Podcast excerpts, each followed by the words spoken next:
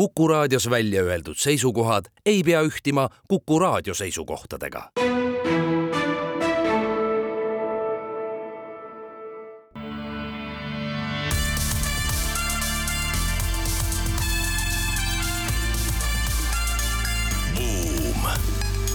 buumile annab hoogu SEB Pank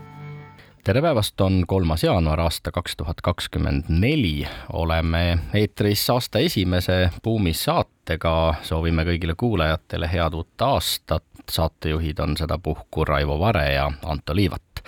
saade saab olema valdavalt kinnisvarateemaline ning esimese uudisena räägime sellest, kuidas kaugtöö võidukäik ja kõrged intressikulud panevad nii mõneski riigis kinnisvaraarendajad ja finantseerijad üha tugevama löögi alla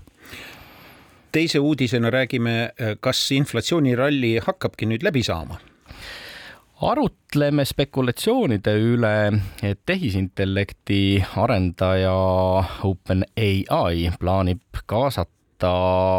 raha nüüd juba saja miljardi dollari suuruse turuväärtuse juures ja jätkame ka sellesama ai-st tuleneva teemaga, nimelt teise võtmena, kas sellisel ai ehk te tehisaru ajastul olla juhina kohal on hea või halb ja kuidas seda teha?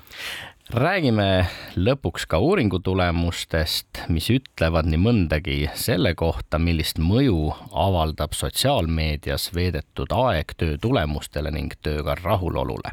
meie tänane saatekülaline on kinnisvaraettevõtte Liven kaasasutaja Andero Laur, kes aitab meil ka uudiseid kommenteerida ning kellega intervjuublokkides räägime nii üleilmsetest trendidest kinnisvara vallas kui ka sellest, mis Eesti turul toimub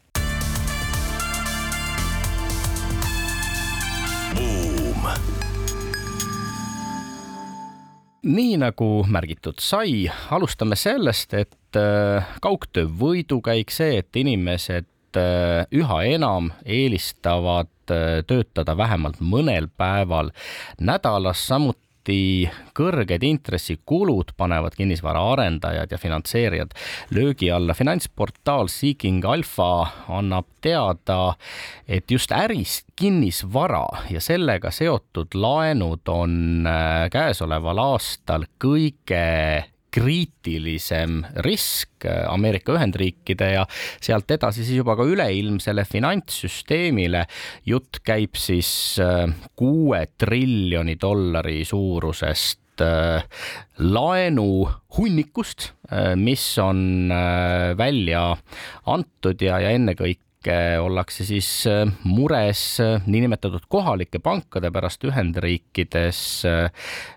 kes kõige rohkem selliseid kinnisvaraprojekte finantseerinud on kusjuures äh, artiklis märgitakse ära, et tegu võib olla potentsiaalselt nõndanimetatud kõigile tuntud musta luigega, mis võib tekitada teatud äh, probleemid nendele samadele finantsasutustele, eelkõige kohalikele pankadele, kellest umbes sellest summast poolt hoiavad ju kohalikud pangad Ameerikas ja pealekauba umbes üks koma kaks pluss miljardit on tegelikult, triljonit, vabandust, on tegelikult see summa, mis kuulub tagasimaksmisele eksisteerivate krediidikontraktide järgi sel ja järgmisel aastal ja praegu teadupärast majanduse seis ei ole veel kõige parem ja seetõttu kardetakse, et sealt võib tulla teatud krediidikrunch nõndanimetatud. rahvusvahelises majandusmeedias räägitakse ka sellest, et madalad intressimäärad, head ajad, kus raha oli võrdlemisi lihtsasti kättesaadav, rahal praktiliselt puudus eh, hind, tegi kinnisvaraarendajad mugavaks, äh, nüüd ollakse loorberitele puhkama jäädud ja loodetakse sellisele majanduse pehmele maandumisele, aga võib ju, Andero, minna ka vabalt äh, teistmoodi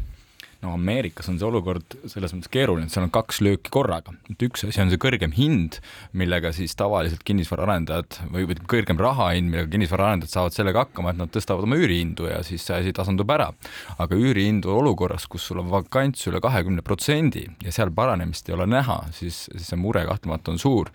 aga, aga ma arvan, et ameeriklased iseenesest on sellised nii-öelda paindlikud ja pealehakkajad ja suudavad oma linnadega väga head koostööd teha ja juba on päris mitu projekti lõpuni viidud, kus kus need büroomajad on siis ümber ehitatud datakeskusteks või kortermajadeks ja nii edasi ja nii edasi. ja nad peavadki seda tegema, sest, sest ameeriklane sinna oma prime äh, business district'i tagasi tööle minna ei taha, ta elab linnast väljas, see on nii pikk tööle sõitmine tal ja istuda seal kuubikutes, ta saab sedasama töö väga hästi kodus ka tehtud. muuseas, me oleme oma saates ka rääkinud sellest, et see distantstöö, mis on hakanud nüüd väga populaarseks saama, on tekitanud olukorra, kus isegi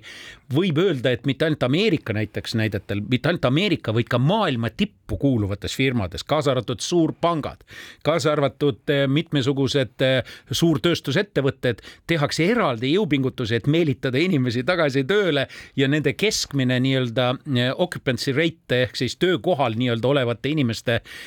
hulk või, või, või proportsioon on langenud veerandi peale, veerandi ja kolmandiku vahel. ehk siis ülejäänud lihtsalt ei tule ja kogu lugu ja siis tehakse igasuguseid trikke, me oleme sellest rääkinud, et neid sinna meelitada. nüüd meil oli üsna aasta lõpus oli kokkuvõtvas saates oli juttu ka sellest meie pankuritega ja meie sponsori, hea sponsori SEB panga juht ütles samuti, et ega midagi ei ole teha, ka meil on sama trendi natukene märgata, kuigi leebemas vormis. ja nüüd olles ise kommerts, natukene seotud kommertskinnisvara poolega, olen ka näinud, et midagi ei ole teha. toimub ruumide ümberprogrammeerimine osaliselt ja meid kui landlord'e survestatakse selleks, sellepärast et enam nii palju inimesi lihtsalt ei tule tööle, ei ole vaja nii palju töökohti ja kliendid annavad osa isegi ruume tagasi, osa pindu tagasi või siis rekonfigureerivad neid, on kaks paralleelset trendi. üks on siis vähem töötajaid ja vähem töökohti, teine trend on, tehakse mingeid muid asju seal hoopis täpselt, et iseseisev töö on see, mida sa teed kus iganes sa tahad, on see siis kodus, kohvikus või, või maakodus ja, ja see töö, kus sa teed koostööd, kus sa mõtled strateegiate peale, loovtööd, noh, seda sa pead koos tegema laua taga, et see kõige, kõige rohkem sellest kätte saada. Ja need äh, majade omanikud, kes suudavad ümber konfigureerida oma majad selliselt, et seda hästi pakkuda, ma arvan, et nad on võidu sees ja, ja see lihtsalt natuke võtab rohkem aega ja ma usun, et kui jällegi mõelda nüüd, et kas tõesti seal on see must luik peidus ja kas seal on suur uus finantskriis tulemas, no ma arvan, et mitte, sellepärast et eelmine suur kriis kinnisvarast tuli ja tavaliselt see välk nagu kah-, sama, sama, samasse kohta tagasi ei löö, lihtsalt kõik olid nii palju ettevaatlikumad pärast seda kriisi, et kõikide finantseerimisstruktuuride ülesseadmisel laenu, palju laenu anti ja nii edasi ja nii edasi. võib täitsa vabalt tõesti nii olla, no Blackstone näiteks äh, ütleb, et äh, neil on traditsioonilistesse kontoripindadesse või nii seda tüüpi ärikinnisvarasse Ameerika Ühendriikides paigutatud ainult äh, kaks protsenti protsenti äh, kinnisvara investeeringutest, ülejäänud tõesti on äh, seesama logistika, mida sa mainisid, kaubanduspinnad, erinevad andmekeskused, aga huvitaval kombel ka siis äh, üliõpilaselamud või kõik sellised pinnad, kus üliõpilased saavad endale lühemaks või pikemaks ajaks pindu rentida. aga siiski tuleb märkida, et miks kohalikud pangad on just selle ohuallikaks, sellepärast et kohalike pankade puhul Ameerikas on see märkimisväärne sektor, eks ole, pool nii-öelda laenusummast on nende käes ja probleem on on selles, et nende bilansis moodustab see oluliselt suuremat osakaalu kui nende suurte tegijate omas. isegi see soovitus, mida seal antakse, on, et vaadake nüüd, minge nii-öelda nende öö, äh, omandist välja ehk siis equity'st välja ja minge siis äh, suurte taha, sellepärast et neil ei ole riske, neil ei ole see osakaal suur, aga väikestel on öö, äh, keskmiselt statistiliselt kuni veerand on seotud nende laenudega ja selle tõttu siin seal hapuks minek on hoopis teise tähendusega ka pankade saatuse jaoks. räägime nüüd natukene inflatsiooniteemadel ka ja, ja kuivõrd me Ameerika Ühendriikides oleme, siis äh, sealne keskpank on äh, juba kahekümne teise aasta märtsikuust alates väga jõuliselt inflatsiooniga võidelnud äh, ning jõudnud mõneti võib-olla isegi üllatavalt heade tulemuste või väljavaadet protsentini ehm, kahekümne neljandaks aastaks. nimelt ei ole juba tuhande üheksasaja neljakümne viiendast aastast alates olnud sellist olukorda, kus inflatsioon oleks nii kiiresti nii palju kukkunud ja, ja samal ajal ei ole sellega kaasnenud majandussurutist prognoositakse Ühendriikides siis kahe poole protsendilist inflatsiooni käesolevaks aastaks ja, ja ühe koma seitsme protsendilist majanduskasvu. eks neid prognoose on erinevaid, mina siin praegu viitan The Economisti eh, kajastatule, aga noh, üldiselt tundub olukord paljulubav jah, ja kõik ootavad sedasama ikkagi nii-öelda pehmet eh, maandumist ja seejuures on märgata, et tegelikult selle pehme maandumise puhul on ikkagi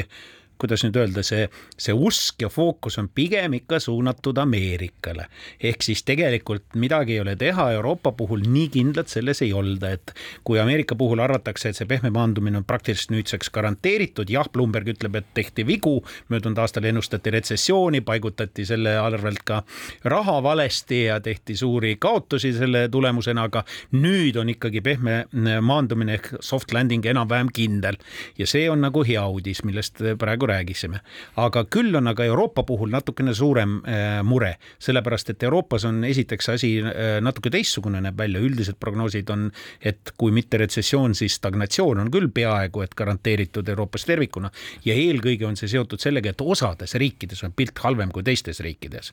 Äh, ja, ja näiteks üks nendest on kindlasti Saksamaa, kes seda pilti mõjutab, aga samuti ka meie Skandinaavia naabrid ja midagi ei ole teha, eks see jõuab ka meile mingil määral veel ka järgmisel aastal, vähemalt suurema osa järgmisest aastast ja see tähendab, et alles aasta lõpuks võivad Euroopas asjad paranema hakata ja, ja muuseas ka intresside puhul nähakse erinevat tempot ette nende alandamise osas ja e, kui vaadata Euribori, see, mis meid eriti huvitab, see kuue kuu Euribor, siis, siis ootus selle langemisele on siin viimase paari kuuga väga märgatavalt suurenenud, et kui, kui mõni kuu tagasi alles arvati, et see on siis nüüd käesoleva alanud aasta lõpuks neli protsenti, siis nüüd lausa kaks koma kolmkümmend viis protsenti, mis on suur vahe. ja ma usun, et kui, kui see nüüd nii ka läheb, siis sellel on kahtlemata ka positiivne mõju Euroopa majandusele, uutele investeeringutele, riikidele oma võlakoormatega hakkama saada ja nii edasi, nii et et see oleks tõesti siis peale neljakümne viiendat aastat esimest korda, kui suudetakse siis tulla selliselt äh, välja inflatsioonist, et ei järgne majanduslangust. see iseenesest oleks väga tore, aga siin on üks faktor veel, see on ajafaktor. ärgem unustagem, et see, millest praegu rääkisid, on tegelikult see, mis juhtub vormiliselt aga see ajaviitega jõuab reaalmajandusse, see ei jõua üleöö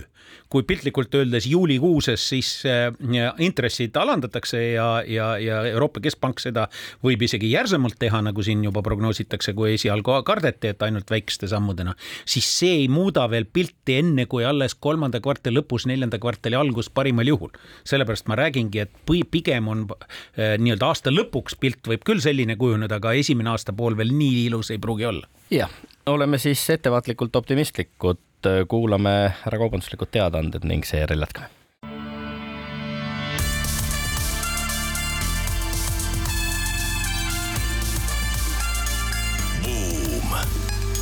buumile annab hoogu SEB Pank oleme tagasi Buumi eetris, saatejuhid Raivo Vare ja Anto Liivat. meie tänaseks saatekülaliseks on kinnisvaraettevõtte Liven kaasasutaja ja tegevjuht Andero Laur, kes aitab meile uudiseid kommenteerida. räägime nüüd sellest, et äh, chat GPT, emafirma, meile kõigile rohkem või vähem tuntud OpenAI plaanib väidetavasti kaasata raha saja miljardi dollarilise turuväärtuse juures. no sada miljardit dollarit on umbes kogu maailma jäätiseturu äh, maht, kui otsida võrdlusi ja, ja fakte, see on muljetavaldav äh, number ja kui see raha kaasamine korda saadetakse, siis peaks saama OpenAI-st äh, Ameerika Ühendriikide teiseks kõige väärtuslikum startup ettevõte kohe siis Elon Musk'i SpaceXi järel. no et see number sinna kipub, arvestades seda hullust, mis OpenAI ehk tehisaru ümber toimub, on väga tõenäoline ka arvestades uudiseid, et eh, vähemalt mitteametlikku informatsiooni, et tegelikult eh, firma töötajatele antakse luba müüa oma valduses olevaid aktsiaid tänase seisuga äh, valuation'i pealt, mis on kaheksakümmend kuus miljardit, päris sada veel ei ole, aga kaheksakümmend kuus miljardit oma töötajatele. ja me teame, et üldjuhul oma inimestel on alati discount selliste süsteemide ja skeemide puhul, ehk siis investoritele sada miljardit võib väga tõenäoline olla. ja nüüd teine pool asjast, mis sellega seondub, on milleks seda raha kasutatakse. ja nüüd tegelikult on see mitte ainult nii-öelda olemasoleva äh, äh, põhitoote nii-öelda edasiarendamiseks, vaid muuhulgas minnakse uude valdkonda ja see on võib-olla väga põhimõttelise tähendusega laiemalt mitte ainult nüüd kunstharu seisukohast, vaid üleüldse selle sektori arengu seisukohast laiemalt. nimelt äh, OpenAI tahab minna ei kuhugi mujale kui džipi tootmisse. ehk siis, kui täna on, me oleme sellest ka saates rääkinud, et selles ähm, äh, tehisaru maailmas on nii-öelda selle riistvara tootmise võtmetegijaks on tõusnud Nvidia kes, kes tegelikult on nii-öelda selle kõige võimekama selleks tehisaru teenindamiseks kõige võimekama džipi tootjaks muutunud, siis nüüd minnakse just sisuliselt otse temaga konkureerima ja võttes appi seejuures Lähis-Ida raha. Jah, arvatakse, et OpenAI käive võiks käesoleval aastal võrreldes eelmisega suures plaanis neljakordistuda ehk siis jõuda viie miljardi dollarini, noh, selle lühikese aja jooksul, mil nimetatud aplikatsioon on kättesaadav ja turul olnud see on ikkagi muljetavaldav areng ja võib-olla ka just sellepärast ja nende prognooside tõttu püütakse praegu raha kaasata. ja kui ma näiteks mõelda, kas see sada miljardit USA mõttes on nagu suur summa, siis näiteks Tesla jõudis saja miljardi väärtuseni aastal kaks tuhat kakskümmend alguses ja läks ainult vähem kui kaks aastat, et ta juba jõudis ühe triljonini väärtuseni ehk oma väärtuse kümnekordistas, nii et seda vaadates ei tundu sada miljardit üldse suur summa. aga noh, see muuseas seletab ka kõike seda, millest me ka oleme siin saates rääkinud, seda, seda tsirkust, mis käis selle firma juhtimise ümber. me mäletame, et tegevjuht võeti maha nõukogu poolt ootamatult, siis äh, kõik hakkasid protestima, pange tähele, protestisid totaalselt töötajad, kõik olid valmis tema selja taga koonduma ja ka ära minema, mis oleks löönud täiesti selle firma mõneks ajaks põlvili. teistpidi muuseas protestisid ka kõik selleks ajaks juba te investeeringu teinud investorid ehk siis teisisõnu suruti nõukogu maha ja võeti talt see asi üle ja mindi tagasi ja nüüd me saame aru, miks see on ju meeletu raha, mille nimel see kõik käis. ja väidetavasti ikkagi see arutelu tuum käis selle ümber, kas äh, OpenAI peaks olema ennekõike rahamasin või ikkagi mingi selge maailma parandusliku fookusega, mis äh, tema ärilisi raha teenimise perspektiive oleks siis äh, piiranud, aga siin on üks huvitav äh, konks veel. ja, ja see huvitav konks on tõsiasjas, äh, kust oodatakse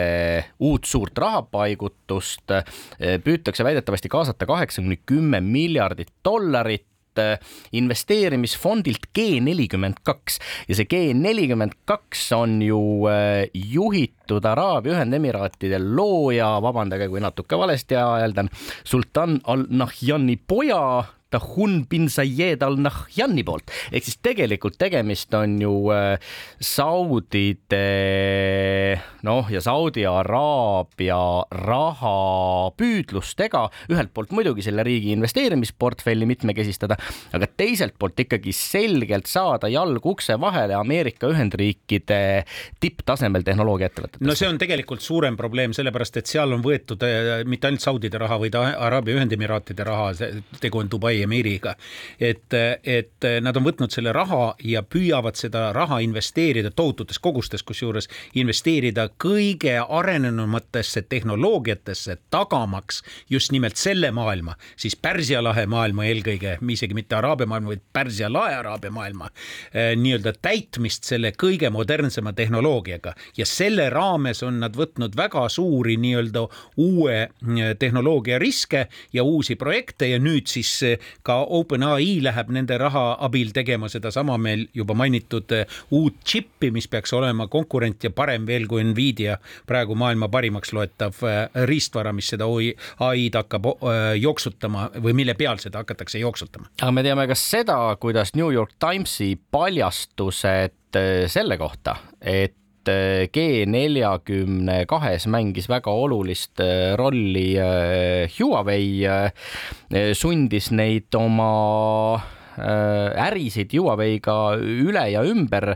vaatama häda siis nimelt selles, et ameeriklased kahtlustasid, et nende väärtuslik tehnoloogia läbi sellesama G neljakümne kahe investeeringute jõuab ikkagi lõpuks hiinlaste kätte. Huvitav oleks nüüd vaadata, et kas see uus džipitehas, mis selle rahaga siis tehakse, et kas see ehitatakse Ameerikasse või ehitatakse hoopis Araabia poolsaarele ei ole välistatud mõlemad variandid tänase päeva teadmise pealt, aga, aga muidugi see on veel kord üks kivikene sellesse geopoliitilisse võidujooksu, mis tegelikult tehnoloogia vallas toimub, kus tegelikult arenevad kaks paralleelset tehnoloogilist majanduslikku platvormi, üks, mis on juba eksisteerib ja mille juhtjõud on Ameerika Ühendriigid ja teine ja eurooplased uurijatena eelkõige, mitte rakendajatena paraku, ja teine on siis see, mida tasapisi enda ümber koondab ja üritab luua. Eelkõige Hiina või Hiina juhtimisel toimub see ja kuhu lähevad ka teised riigid, kaasa arvatud ka nimetatud. nii et kindlasti jõuame käesoleval aastal ka Buumi saates geopoliitika ja tehnoloogia seostest veel üksjagu palju rääkida, nüüd aga räägime sellest, mida ikkagi tähin-, tähendab sellesama tehisaru ajastul olla juhina kohal, inglise keeles räägitakse sellisest terminist nagu executive presence ähm, või siis nii-öelda tippjuhi kohalolu ja, ja see koosneb ennekõike kolmest asjast, tema tõsiseltvõetavusest, tema kommunikatsioonioskustest ja siis kõigest sellest, noh, kuidas ta välja näeb ja, ja kuidas teda ikkagi töötajate poolt ähm, tajutakse. Harvard Business Reviews on äh, Sylvia Ann Hewlett äh, avaldanud oma äh, uurimistulemused ja üsna põhjaliku artikli artikli võrreldes seda, millisena tippjuhte sooviti näha nende eestvedamiskompetentside osas aastal kaks tuhat kaksteist võrrelduna kahekümne teise eh, aastaga ja ja, ja sealt noh, kõigepealt muidugi tuli välja see, et ikkagi selline enesekindlus ja otsustamisjulgus ei ole ajas kuidagi muutunud, see on enne või need on kaks on ennekõike ikkagi eh, need asjad, mida tippjuhtidelt oodatakse. küll aga välimuses on muutused toimunud ja need on muuseas kiirenenud seoses seoses pandeemiaga ja seoses distantstööga ja kõige sellega, mis maailmas on toimunud ja pilt vist on kõvasti muutunud. noh, mina kõrvalt vaatan nüüd juba võin öelda, et omal ajal oli võimatu ette kujutada, et vähegi executive positsioonis isik siin-seal või kolmandas kohas ka üle maailma tuleb näiteks ilma lipsuta ametlikule kohtumisele. jah, pintsak pintsakuks, aga või ülikond ülikonnaks, aga just nimelt ilma lipsuta. nüüd lahtine krae on normaalne, nii riigijuhid kui ka, kui ka tippjuhid ähm, äh, firmades täna täiesti normaalseks peavad seda dress code'i ja see on kuidagi märkamatult toimunud ja muuseas allapoole minnes mööda hierarhiat näeme seda pilti veel kirjumana. no sa oled vanakooli mees ikkagi, mul tudengid tihtipeale armastavad rääkida ka sellest, et äh, lipsudega inimesed äh, töötavad Ähm, T-särgis inimeste heaks, aga võib-olla see pendel nüüd natukene hakkab pigem ikkagi tagasi minema sinna suunas, et pisut tuleb oma väljanägemisele juhina ka tähelepanu pöörata. ja kui vaadata nüüd seda kultuuri eestvedajat, siis ma arvan, et selleks võib nimetada Steve Jobsi ja kogu tehnoloogiasektori ja järjest on siis äh, nii nagu tehnoloogia läheb igasse sektorisse sisse, tulevad ka sealt tulenevad kombed ja, ja, ja käitumine samamoodi igasse ettevõttesse vaikselt sisse. kusjuures no. selles samas artiklis ka tuuakse välja see, kuidas, kuidas äh,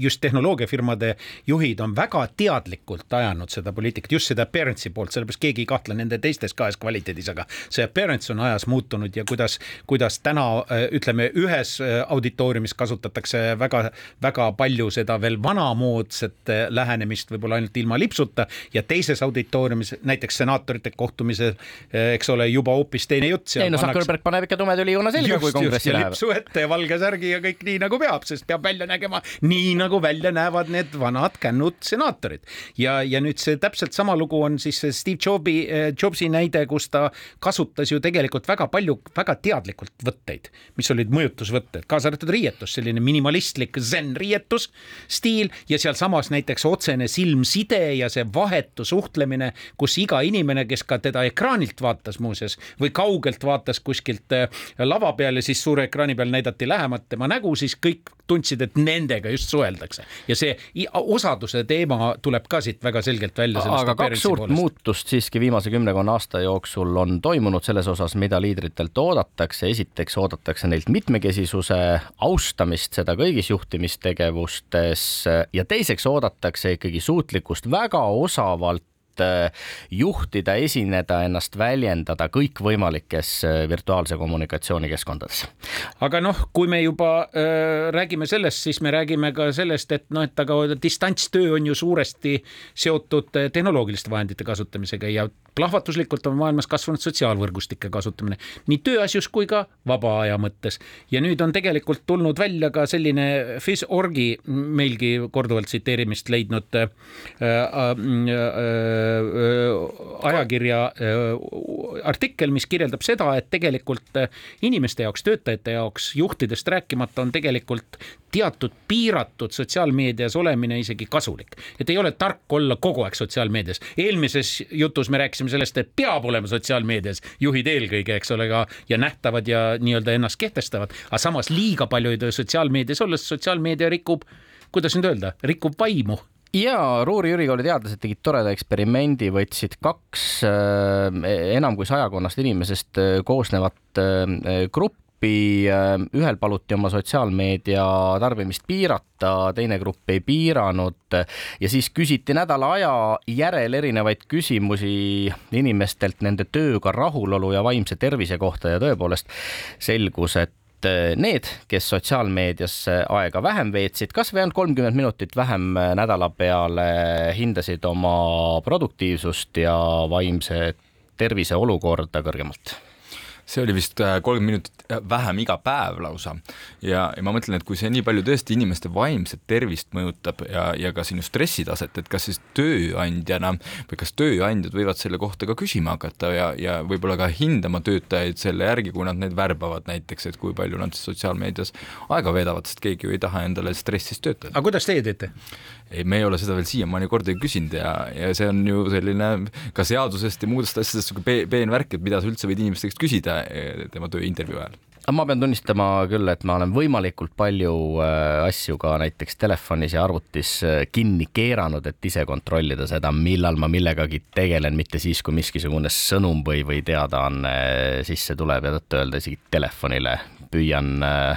mingisugustel hetkedel mitte vastata, pigem helistan siis tagasi, kui tunnen, et on õige aeg.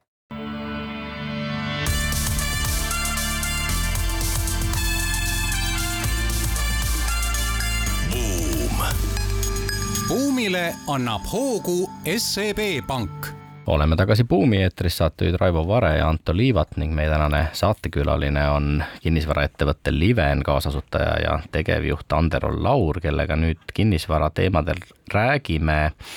ka uudisteplokis arutlesime selle üle, kui tõsise surve all in-, intressikulude kasvu ja kaugtöö leviku tingimustes kinnisvara arendajad Äh, on meie saate head toetaja, SEB Panga eraklientide segmendi projektijuht äh, Viktoria Tskatš eelmise aasta lõpupäevil äh, esitas oma nõuanded, kuidas muuta kahekümne neljas aasta edukaks finantsaastaks ja tõi välja, et fookus nutikatele tehnoloogiatele, nende kasutamise oskus on äh, oluline, on võimalik kergemini jälgida oma investeeringuid, aga samavõrra oluline ikkagi on finantsstabiilsuse saavutamiseks ka investeerimine iseendasse ja, ja erinevate uute oskuste äh, omandamine. Kas kinnisvara valdkonnas investorina tegutsedes on midagi viimastel aastatel muutunud või muut-, muutumas seoses sellega, mis puudutab juurdeõppimist, teadlikkust millegi kohta või, või uusi äh, käsitööoskusi noh, see õppimine on ju selline asi, mis ei, ei saa kunagi lõppeda, et sa saaksid konkurentsis püsida ja, ja kinnisvara äh, areneb ise äh, väga palju edasi, ennekõike äh, lükkavadki seda kõiksugu targamaja lahendused ja kõik need, mis puudutavad energiasäästlikkust. ja, ja kui mõelda ka, et äh, kuhu täna pangad vaatavad või kuidas pangad kinnisvara näevad, siis nende mure selles osas, et kuhu nende raha on nii-öelda laenuna välja antud, siis nad on aina rohkem, rohkem huvitatud, et see oleks energiasäästlikesse majadesse antud, sest nad varsti hakkavad kõik raporteerima neid näitajaid, millises, milline on nende välja laenatud äh, raha keskkonnamõju. ja seepärast me näemegi täna selliseid pakkumisi, kus on A energiaklassi majadele mitu aastat siis intress null pluss Euribor, eks ole, intressimarginaal null ja ma arvan, et, et see konkurents selles osas läheb aina suuremaks, sest, äh, sest pankade enda raha hind hakkab mingil hetkel sellest sõltuma. kas äh, energiasäästlik maja on alati ja tingimata väga palju kallim kui äh, vähem energiasäästlik. Maja, viitan siis ka sellele, et äh, väga paljudes riikides, noh, sealhulgas värskete uudiste põhjal Kagu-Aasias on järjest suurem mure see, et elamispind on raskesti kättesaadav, noh, sealhulgas ka noorele inimesele raskesti kättesaadav, kes näiteks oma esimesele töökohale ülikooli lõpetamise järel siirdudes soovib enam-vähem elatavat pinda üürida. enne kui me selle juurde jõuame, ma veel lisan ühe väikese küsimuse, nimelt äh, jällegi mitteelukondliku ehk kommertskinnisvaraga kokku puutununa näha on, et klientuuril on tekkinud nii-öelda oot ootus sellele keskkonnasäästlikkusele ja kõigele sellele ESG esimesel otsal eelkõige, et sa pead pakkuma äh, sertifitseeritud äh, äh, kinnisvara ja peavad olema seal kõiksugu tunnused, mida kohe lausa küsitakse ja jälgitakse, eriti suuremate mm, klientide konkurssidel on seda hästi näha ja nii edasi. kas elukondlikus kinnisvaras, kus te olete kõvad tegijad, kas seal ka on nii-öelda näha sellist kliendi suhtumist, mis on muutunud võrreldes sellega, mis enne oli, just sinna nii-öelda keskkonnasäästlikkuse poole ja energiasäästlikkuse poole kindlasti ka. ja muidugi on näha, et seda on mitut moodi, et noh, et küll küsimus, et kas, kas on kallim ehitada energiasäästlikult, no kui, kui niimoodi üks-ühele võrreldes, noh kindlasti on, et kui sa paned rohkem soojustust, siis see maksab rohkem raha ja kui sa paned kallimad, kallimad süsteemid, siis see maksab ka rohkem raha. aga kui tuua jällegi needsamad teised aspektid sinna kõrvale, et sa saad parema intressiga laenu, sul on väiksemad kommunaalkulud, eks, ja, ja kõike seda siis arvestada tänasesse päeva ümber, siis, siis ta ei pruugi kallim olla no turul on see tegelikult juba hakanud natukene ka vahet tegema, ehk siis on juhtunud näiteks äh, ärihoonete puhul, mis on nii-öelda vanamoodsad ärihooned, need B-klassid ja, ja, ja ilma nii-öelda erijõupingutusteta just nimelt äh, säästlikkuse kontekstis, seal on hakanud klientuur ära kaduma, nad nii-öelda otsivad uusi, äh, uusi lahendusi enda jaoks ja, ja seal kaob klientuur koos klientuuriga kaob hinna tõstmise võimalus ja tegelikult hinnad langevad ja tootlikkus langeb ja nii edasi, nii edasi. ehk toimub ka turu diferentseerumine selle järgi. kas elukondlikus kinnisvaras on ka seda märgata? kindlasti, et ega kui, kui täna eriti noored, kes otsivad endale see esimest eluaset, siis, siis kui nad vaatavad majade poole, mis ei ole renoveeritud, mis ei ole soojustatud, siis huvi on kahtlemata palju väiksem, eriti sellepärast, et, et küsimus on, miks seda pole suudetud siiamaani teha et, et kas seal on siis ühistus mingid probleemid, et ei suudeta kokkuleppele saada siis nende projektide tegemises, laenu võtmises ja nii edasi, ja see tundubki juba natukene võib-olla lootusetu, et kui ma sinna lähen, et siis, siis see asi ei lähegi paremaks ja, ja see ost, mis ma teen, selle vara väärtus tulevikus äh, pigem kahaneb, mitte ei tõuse. Üks pool on nüüd äh, noored, aga teine pool on äh, eakad ja, ja paljudes riikides elanikkonna vananemine, kinnisvara trendide ja prognooside juures räägitakse palju sellest, et me ei ole tegelikult valmis vananeva elanikkonna muutunud ootustega kinnisvaraarendusele kohanema, kuivõrd see sinu arvates tõele vastab? Kindlasti vastab tõele, et eriti, eriti kui Tallinnat vaadata, et kui praegu vaadata korteriostjaid uusarendustesse näiteks, et selle kohta Kantar Emor teeb iga, iga sügis ühe uuringu, siis umbes üks kolmandik otsivad suuremat pinda, tahavad nii-öelda oma, oma elamist mingil X põhjusel suurendada, tahavad kas kodukontorit või on peres lapsi rohkem oodata või mingi muu põhjus siis, siis kümme protsenti inimestest otsib tegelikult väiksemat pinda ja need tihti on siis, me ise kutsume neid enda vaates downsizer iteks. et lapsed on võib-olla kodust välja kolinud juba, enam nii suurt maja ei ole mõistlik üleval pidada või nii suurt korterit ja otsitakse väiksemat pinda. muidugi see väiksem pind on hoopis teistsugune kahetoaline, kui see on sellel, kes ostab esimest kahetoalist et see peab ikka märgatavalt siiski suurem olema nagu ruutmeetrite mõttes, sest neid asju on kogunenud nendel inimestel väga palju. ja, ja see on ka tõsi, et aina rohkem hakatakse mõtlema nendele asjadele, et kui ma veel kümme, võib-olla kakskümmend aastat elan, siis kas ma selles hoones saan hästi hakkama, mugavalt hakkama, et on seal olemas liftid, on seal äh, võimalik äh, liikuda vajadusel näiteks ratastooliga ja nii edasi räägitakse ka sellest, et üha enam ikkagi on neid ostjaid, kes soovivad midagi eripärast, midagi luksuslikku, kokku äh, midagi äh, tavastandarditest erinevat näha oma äh, tulevases kodus. oled sa märganud Eestis ka seda tüüpi spetsiifilist nõudlust mingisuguste asjade järele, noh, omal ajal kindlasti oli suur muutus see, kui köögis pidi olema nõudepesumasin või selle installeerimise funktsionaalsus, mida noh, varasematel aegadel ju ei eeldatud. kas täna ka midagi sellist on toimumas? Kõige rohkem tuntakse eriti uusarendustes puudust siis äh, suurtematest niisugust majapidamisruumidest, niisugust eraldi panipaikadest, et need ruumid oleks olemas, et et neid aina rohkem uusarendustes hakkab olema, aga kui vaadata niisugune viis pluss aastat tagasi, siis ei olnud väga levinud, et eraldi ruum selle jaoks majja planeeritakse. ja seda näitab ka samamoodi Kantar ema uuring, et see on üks kõige, kõige tahetum asja ma võin omast käest kinnitada, mul ka mõne korteriga kokku puutununa või on olnud see juba kriteeriumiks täna juba kakskümmend ja rohkem aastat tagasi. kas majapidamise ruum on või ei ole, tuleb välja, et see on tegelikult väga kasulik. ehk siis äh, see funktsionaalsuse muutus on mõneti paratamatus. nüüd teine asi, mida ma tahaks kindlasti küsida, me oleme väga palju ka tehnoloogiasaade ja, ja küsida tehnoloogiate kohta, kuidas see välja näeb. elukondlikus äh, valdkonnas tuleb üha rohkem peale seda targa maja ideoloogiat täpselt samuti nagu ka see on juba praktiliselt üks komponente ärikinnisvara puhul, et, et kuidas, kuidas see paistab? targa maja lahendused selles samas uuringus siis viidatuna on need, millega inimesed on kõige vähem rahul ja, ja seal kusjuures kaks põhjust, üks on see, et neid pole piisavalt ja seal, kus nad on, siis nad pole piisavalt head. et, et hoone ise koosneb lihtsalt nii palju erinevatest äh, tehnoloogiatest, tarnijatest, et seda kõike edukalt tööle saada ja ka tulevikku kindlalt tööle saada, et kui sa näiteks siin ostad asju juurde hiljem, teed mingit remonti, et sa saaksid neid uusi asju samamoodi sinna süsteemi integreerida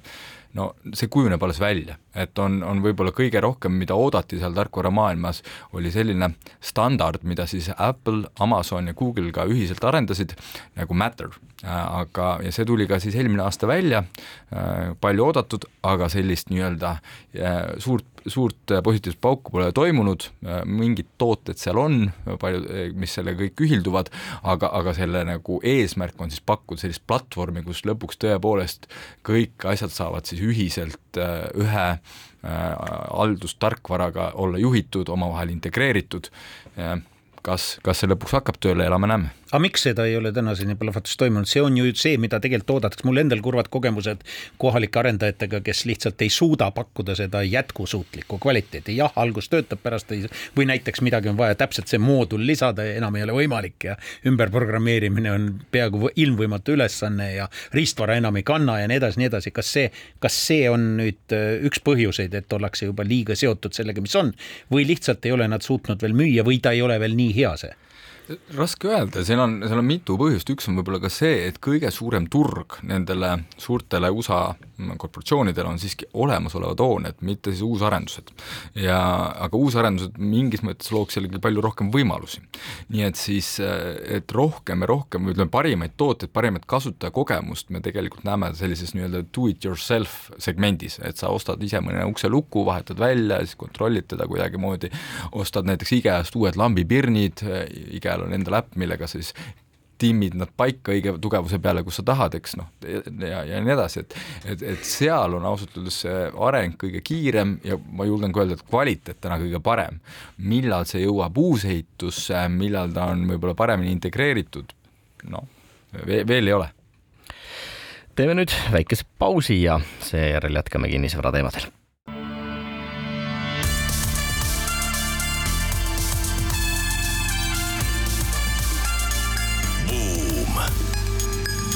buumile annab hoogu SEB Pank. Oleme tagasi Buumi eetris, saatejuhid Raivo Vare ja Anto Liivat ning meie tänaseks külaliseks on kinnisvaraettevõtte Liven kaasasutaja ja tegevjuht Andero Laur Andero, äh, kibeleb üks küsimus keelel, nimelt äh, väga palju on ju praegu diskussiooni selle kohta, kuidas äh, elukondlikus kinnisvaras turusituatsioon on ja kuidas, kuidas hinnad langevad ja teised ütlevad, et ei lange ja kolmandad ütlevad, et ei, nad ei lange kuhugi ja jätkavad kasvu ja statistika seda mingil määral ka isegi on nagu toestanud, vähemalt valikuline statistika. ja kindlasti arvatakse, et noh, et kohe, kui hakkab majanduses olukord paremaks minema, siis, siis kasvavad hinnad jätkuvalt, nii et tehke praegu oste, sellepärast sellepärast et siis pärast on kallim ja, ja tagatipuks on veel ka üks selline koolkond, kes ütleb ja mida ma muuseas jagan, on see, et toimub diferentseerumine. ehk siis hakkab tegelikult nii-öelda hinnad lähevad kindlasti üles teatud kategooriates kinnisvarades ja sealsamas teatud teiste kategooriate puhul nad enam ei pruugi nii eduliselt kasvada, kasvavad, aga ei kasva nii eduliselt ja nii kiiresti ja nii palju. kuidas see pilt praegu teie silmi läbi on, te olete siin Tallinnas eriti, kus on kõige suurem kinnisvaraturg Eestis kaugelt, eks ole, tegijad, et kuidas see paistab? No ma Tallinnast üks, üksnes oskangi rääkida ja ma arvan, et kõigil neil on õigus, oleneb täpselt, millised statistikanumbrid nad vaatavad, et kui nüüd aasta just lõppes, mis need siis hinnad tegid terve Tallinna peale, nad kasvasid äh, võrreldes siis kaks tuhat kahe, teise aastaga lausa kuus protsenti. Et äh, keskmise ruutmeetri hinnaks tuli kolm tuhat kuuskümmend neli terve Tallinna peale aga jällegi, et seal, mis seda keskmist mõjutab, on kahtlemata uusarendused, äh, mida siis äh, võib-olla juba ammu, aastaid tagasi lepiti kokku palju kõrgemate hindadega, need ka mõjutasid seda hinda kõige rohkem. et kui vaadata näiteks ainult järelturgu, siis äh, võib öelda, et aastal kakskümmend kolm siiski toimus kinnisvarahindade langus, aga seda vähem kui kaks protsenti, nii et ei saaks just öelda, et, et suur, suur kriis on juhtunud suur äh, küsimus on olnud juba päris palju aastaid äh, see, kas ja millistel tingimustel tasub soetada kinnisvara väljapoole Tallinna linna, võib-olla ka Tartu äh, linna? Ja, ja räägitakse ikkagi ka sellest, et ega pangad tihtipeale pigem ei taha seda tüüpi kinnisvara arendamist finantseerida. Lähevad siin asjad kuidagi selles mõttes paremaks, et regionaalarengul võiks olla siiski lootust või, või pigem ikkagi vastupidi, kõik koondub Tallinnasse? Ma arvan, Tartu, Tartul läheb ikkagi hästi, et Tartu, Tartu hinnad on piisavalt kõrged, et seal tasub arendada, aga kui võtta võib-olla mõni väiksem koht Eestis, siis kahtlemata seal pärast seda, kui sa oled kõik oma kulud kokku võtnud ja, ja vaatad, mis hinnaga sul seda elamispinda õnnestub müüa, siis suure tõenäosusega seal vastab vastu miinus. ja, ja eriti võib-olla peale nüüd seda kiiret inflatsiooniperioodi, eh, kus need ehituskulud eh, tõusid, eh, julgen öelda, kolmkümmend, nelikümmend, võib-olla isegi viiskümmend protsenti siin mitme aasta peale. no aga samas me justkui ikkagi tahame, et elu oleks väljapoolt Tallinnat, me tahame, et ettevõtjatel oleks töötajaid, kes käivad tööl väljapool tõmbekeskusi, see kõik ikkagi eeldab elamispindu, kas siin peaks siis riik või kohalik omavalitsus kuidagi sinu hinnangul äh, rohkem sekkuma, kui siiamaani äh, tehtud on ja, ja, ja need meetmed, mis siiamaani loodud on, äh, võimaldavad seda tüüpi arendusi finantseerida? ma ei ole kindel, kas igas väikses kohas peaks professionaalsed arendajad midagi ehitama, et mis jätkuvalt toimub, et inimesed ehitavad, ostavad krunte, ehitavad eramaju, ma arvan, et täitsa okei okay., väiksemates kohtades ongi pea, peamine koht, kus elada, eramaja. see ei ole äriprojekt, see on elukondlik, isiklik projekt. absoluutselt ja, ja miks, miks ta peaks võib-olla teisitigi olema aga samas me teame, et siin Narvas käib praegu poliitiline võitlus selle ümber, et lõpuks ometi võib-olla hakatakse ehitama esimest äh, maja nüüd äh, terve selle iseseisvuse aja jooksul, siiani ei ole ühtegi ehitatud. seal on kaks korda muidugi elanikkond peaaegu vähenenud ja nii edasi, nii edasi, aga, aga noh, mingil määral ju inimesed vajavad ka seal uut ja korrastatud äh, elamispinda, me teame, et Narva valdav elamispind on väga vilets nõukaaegne, niimoodi ainult natuke kohendatud kahtlemata on see Narvale suur sümboolne tähendus, kui seal mõni uus arendus pihta hakkab, aga kas see üks uus arendus nüüd päriselt midagi muudab, eh, vaevalt, ma arvan, et seal on need olemasolevad hooned vaja siiski renoveerida, mis on põhiline, ja, ja seal on täiesti okei okay,, kui seal inimesed eh, ela, elavad nii-öelda, ehitavad endale nii palju ise, kui neil endal vaja ehitada on, kellel võimalus selleks on. no Tallinn seda eh, ei kujuta endast, Tallinn, Tallinnas on ehitavad arendajad, teie ka mis Tallinna turul möödunud aastal toimus, kui meil tegelikult majandus ei läinud nii hästi, nagu loodeti ja mis nüüd lähima aja perspektiivid on? no uusarenduste müük äh, oli eelmisel aastal siis kodulehtede andmetel äh, tuhat kaheksakümmend korterit müüdi Tallinnas, mis on äh, eelmisest aasta, kahekümne teisest aastast kolmkümmend prossa all aga, aga uut müük, uut mahtu tuli ka palju vähem kui eelmistel aastatel. nii et seal on teatud tasakaal on, on saavutatud, et palju müüakse ja palju uusi peale tuleb. meie vaatest äh, oli, oli aasta algus väga vaikne ja, ja mida iga kuu edasi, seda, seda rohkem neid müüke oli. et võib öelda, et, et oma kogumahust esimese seitsme kuuga tegime äh, üks kolmandik ja ülejäänud viie kuuga tegime siis kaks kolmandikku oma müügimahust. ja see oli just nimelt müügimahust, mitte valmimise nii-öelda tsükli pärast? Need uued lepingud, uued müügilepingud, mitte, mitte vanad. kuidas Kas... sa vaatad äh, inimeste sissetulekute ja, ja kinnisvarahindade suhtele, on see meil täna Eestis vaatamata äh, viimaste aastate intressimäärade äh, Ehm, kasvule vaatamata sellele, kui palju ikkagi kinnisvarahinnad on aastate jooksul kasvanud äh, kuidagi mõistlikus vahekorras võrreldes muu maailmaga või, või hakkavad asjad balansist välja minema? no muu maailmaga võrreldes ma arvan, et kui muude Euroopa pealinnadega vaadates, ma arvan, me oleme jätkuvalt soodsad. et kui võtta näiteks järelturu korterid, millega, millele on nagu parem statistikale ligipääs, siis järelturu korteri keskmise ruutmeetri hind Tallinnas siis jagada keskmise palgaga Tallinnas, siis enne koroonat me olime seal ühe koma kahe peal. nüüd vahepeal me tõusime umbes ühe koma neljakümne nelja peale ja, ja nüüd me oleme umbes ühe koma kahekümne viieni jõudnud. nii et äh, iga, iga kvartal edasi, mis palgad jätkavad tõusu, aga kinnisvarahinnad seisavad paigal, mida nad on juba teinud mitu kvartalit, siis, äh, siis see kättesaadavus selliselt mõõdetuna oleme, oleme tagasi kriisieelsel tasemel. kas see jõuab üks-ühele, mida loetakse niisuguseks ideaalseks mudeliks? Ma kahtlen, pigem vastupidi, ma arvan, et, et pigem, pigem need hinnad jätkuvad tõusu, eriti olukorras, kus, kus palgad ka aina ebavõrdsemalt hakkavad jagunema ja aina rohkem ka olukorras, kus meil tekib selline järgmine põlvkond, selline põlvkond, kes on oma vara pärinud oma vanematelt ja, ja nemad saavad endale tihti siis äh, lubada palju varem äh, ja palju, palju kallimaid pindu ja, ja kuna kinnisvara on oma loomult selline natuke kolmpoolne alati, et, et ühes asukohas saab olla üks maja, siis, siis, siis see kesk, ütleme parim asukoha ja keskmise asukoha hind hakkab aina kasvama kõrgemaks ja kõrgemaks, mis mõjutab ka keskmist hinda. ehk siis need äh Äh, apologeedid, kes ütlevad, et kinnisvara puhul kõige olulisem asi on äh, asukoht ja siis veel kaks korda asukoht, neil on järjest rohkem äh, õigus, kui, kui vaadata seda, mis Eestis toimuma hakkab. Jaa, võib öelda küll nii, et kui vaadata näiteks Eesti parima asukoha ja keskmise hinna vahet, siis seal on ütleme, paar korda, kaks pool korda, aga enamus Euroopa linnades on ta ikkagi seal neli-viis, võib-olla rohkem korda nii et meid ootab ees tegelikult ikkagi jätkuv kallinemine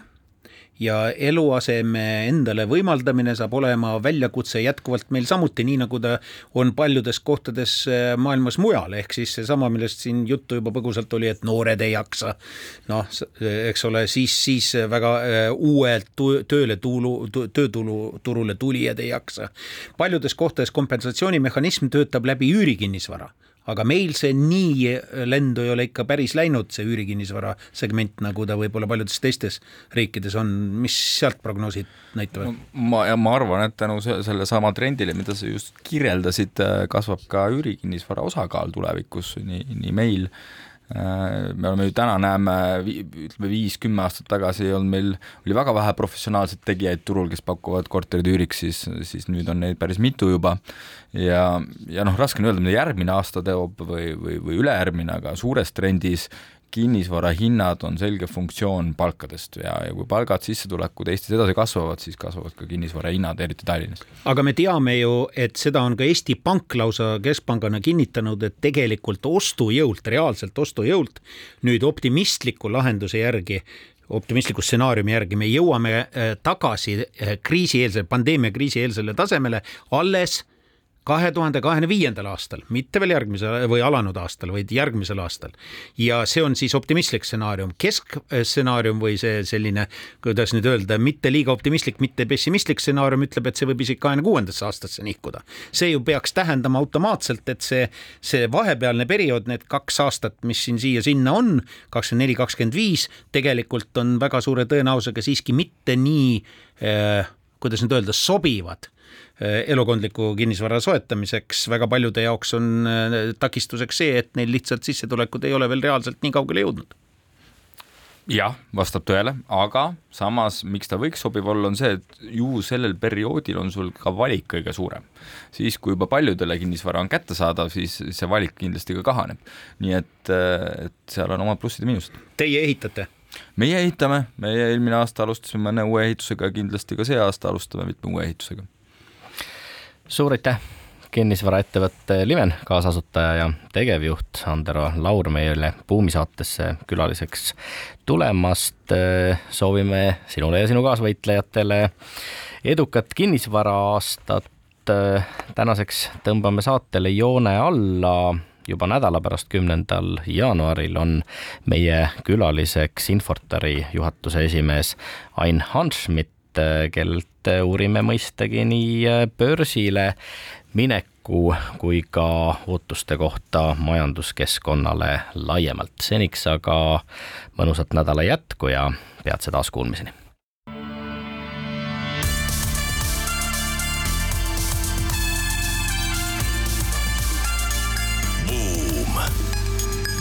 buumile annab hoogu SEB Pank